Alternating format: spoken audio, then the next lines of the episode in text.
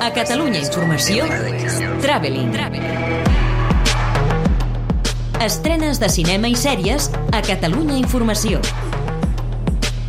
Traveling. Amb Marc Garriga. What year are we in? 1941. What day is today? Guillermo del Toro ho ha tornat a fer. El Callejón de les Almas Perdides és un film fantàstic. Aquest cop només en el sentit de meravellós, perquè ha deixat enrere el seu gust habitual pel gènere fantàstic i s'ha centrat aquí a rodar una peça de cinema negre clàssic amb majúscules. Una sòrdida i alhora elegantíssima història de perdedors protagonitzada per Bradley Cooper i Kate Blanchett, però amb un grup de secundaris exòtics memorable. Una pel·lícula que explica com un buscavides aconsegueix fer-se d'or amb trucs de mans apresos sota una carpa de circ ambulant quan decideix actuar per la classe alta d'una ciutat pròspera. Però amb això no en té prou i ambiciona estafar a gran escala. Remake d'un film dels anys 40, visualment prodigiós, foscament romàntic i fascinant. Well, you all need to look around. It's a little wet for practice, don't you think? Don't the girls have schoolwork to do? Will Smith pot aconseguir finalment l'Oscar després de dues nominacions per interpretar a El Método Williams, el pare de les germanes més famoses del tennis mundial, Venus i Serena Williams. La seva actuació és, sens dubte, el millor d'un biopic poc emocionant, però interessant, sobre com un home, amb un pla de 78 pàgines, escrit abans que nasquessin les dues nenes, aconsegueix fer realitat el seu somni sense que les filles acabin anant al psiquiatre. Un film senzill que captiva perquè la història és plena de girs increïbles però que no aprofundeix en els perquès o les conseqüències, sinó que es limita a exposar els fets i que fa pensar que amaga potser episodis més foscos. I que, oh sorpresa, reserva a Arancha Sánchez Vicario el paper de malvada. We knew who we were fighting.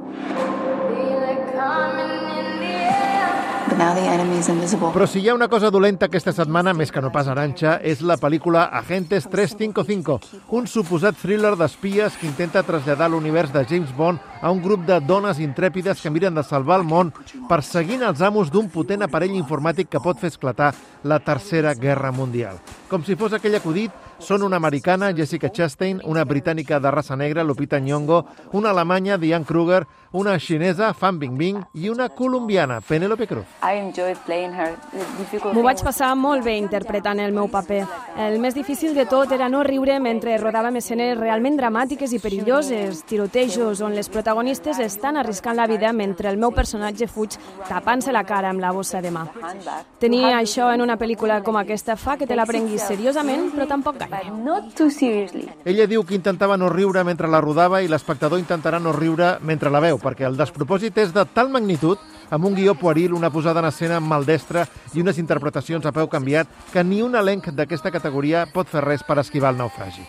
Al mateix nivell, però sent molt més honesta, se situa One Shot, Missió de Rescate, que seria una pel·lícula directa a vídeo, com es deia als anys 80. A més, s'estrenen en versió en català el drama francès El cas Villa Capriz i el film d'animació infantil La meva mare és una goril·la. Ni siquiera los abuelos pueden saber dónde estamos viviendo, ¿sí?